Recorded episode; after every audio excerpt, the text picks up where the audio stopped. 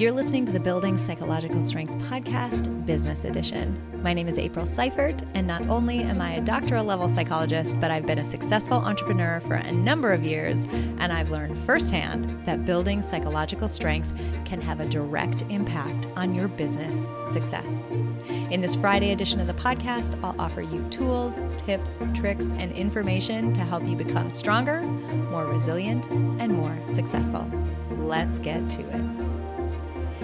Henry Ford famously said, Failure is simply the opportunity to begin again, this time more intelligently. Okay, story time. When I was a kid, I used to downhill ski fairly often. I loved it.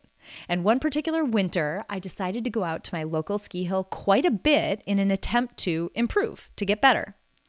One day, I was out there and I skied all morning. And when I went in for lunch, one of the ski instructors who I just knew worked at that place was in the chalet. And I mentioned that for all the times I was getting out there this winter, I didn't think that I was progressing very much.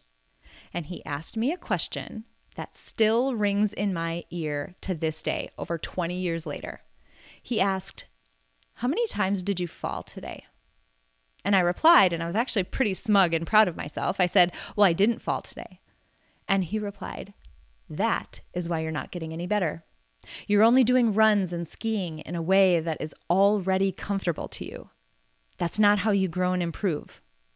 You grow and improve by trying new runs, harder runs, by skiing faster or on moguls or on more narrow runs.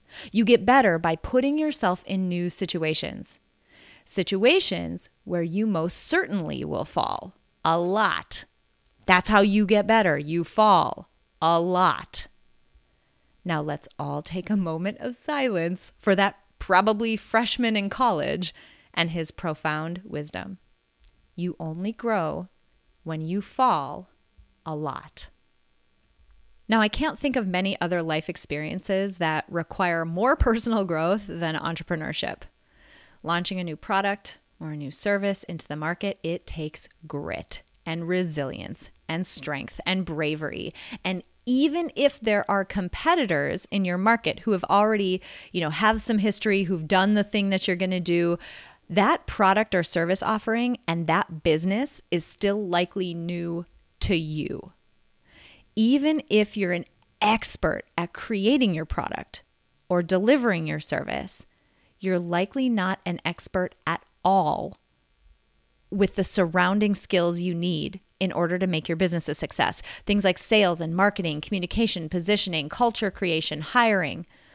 Entrepreneurs, especially in the early years, play so many roles in their businesses, and most of those roles are new. And here's the thing if you're an entrepreneur or you're a go getter in your professional field, you've likely learned time and time again throughout your life that failure is bad. It means that you did something wrong. You missed something important. Failure is bad, and therefore you are bad. So you cross those two things, right? The inevitability of failure and the negative relationship that most of us have with it, and it is a recipe for friction and pain and suffering in business. Now, what this means is that we need to get better and redefine our relationship with failure. We need to get better at failing. So, how the heck do we do that?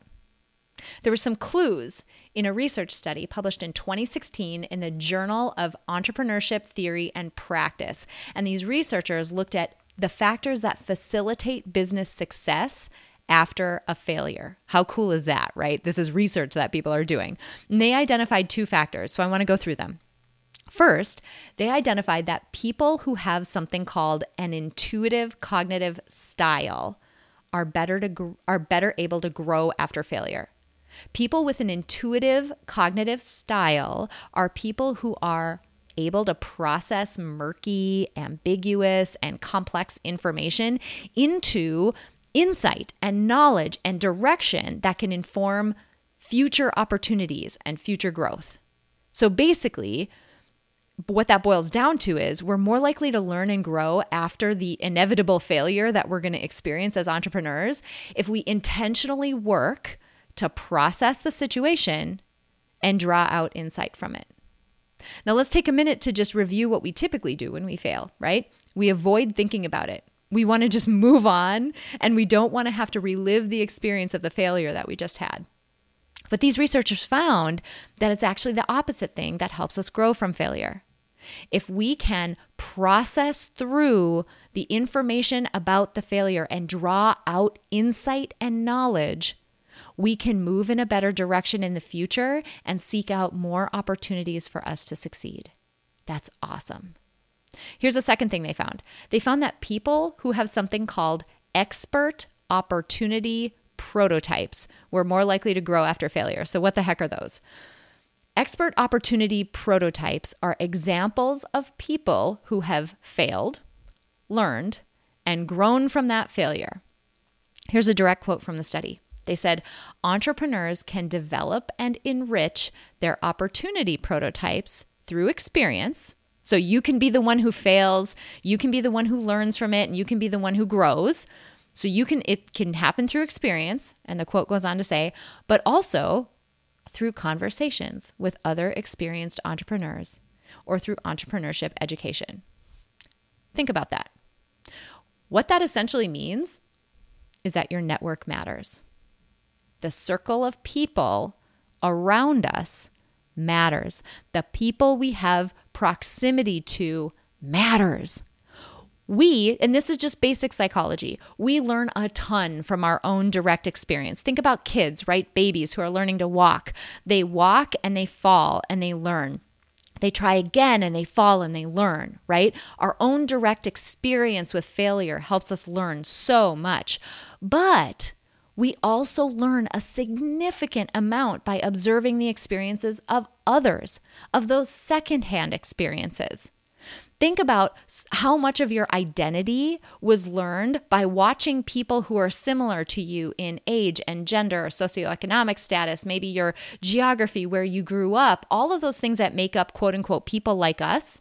How much of that did you learn by watching other people who are similar to you, how they behave, how they were able to succeed or not, the repercussions of their actions? You learn that secondhand we learn a significant amount of that information by just observing the experiences of others. We learn it secondhand.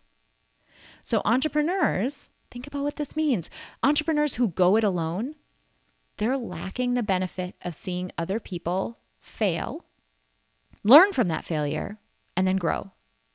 But and according to this research, we've got data to support this. This is awesome. But entrepreneurs who deliberately put themselves in circles with other entrepreneurs are more likely to learn from their failures because they see other people do it. Your network matters. So get yourself in a group. I want to give a quick example. And before I do, I just want to say full out this is not a sponsored comment. This leader of this organization doesn't know that I'm about to promote this organization. They didn't ask me to. I'm not being compensated for this.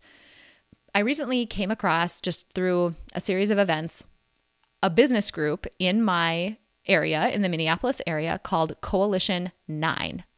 It's a group of entrepreneurs and business people who meet in groups on a monthly basis, and they do it to just continue learning and to support one another and to be in proximity with others who are on the same path.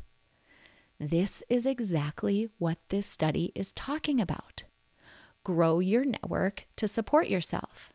So I bring up this organization because maybe you're in the Minneapolis area and you're looking for an organization like this, you could check them out. They're called Coalition 9. Or maybe you're an entrepreneur and you're thinking I might I might actually need that circle, that network around me, go check out Coalition 9's website and just get a feel for the kind of thing they do and go look for that. Go get that group of people, even if you have to start it yourself. Get that group of people around you in proximity to you so that you can learn from them. Grow your network to support yourself. Remember, failure is inevitable in business. You cannot escape it, but it's important to remember that you can't grow without it. So, go fail and go grow. Thank you so much for joining me for this business edition of the Building Psych Strength podcast. If you're an entrepreneur, current or aspiring, and you're interested in becoming more successful, hit the subscribe button. I'm here every Friday. Let's hang out. And if you're really interested in digging deep, visit aprilseifert.com where you can fill out an application to see if Psych Strength Business Success Coaching is right for you. Okay, until next week, be strong, be resilient, and be successful.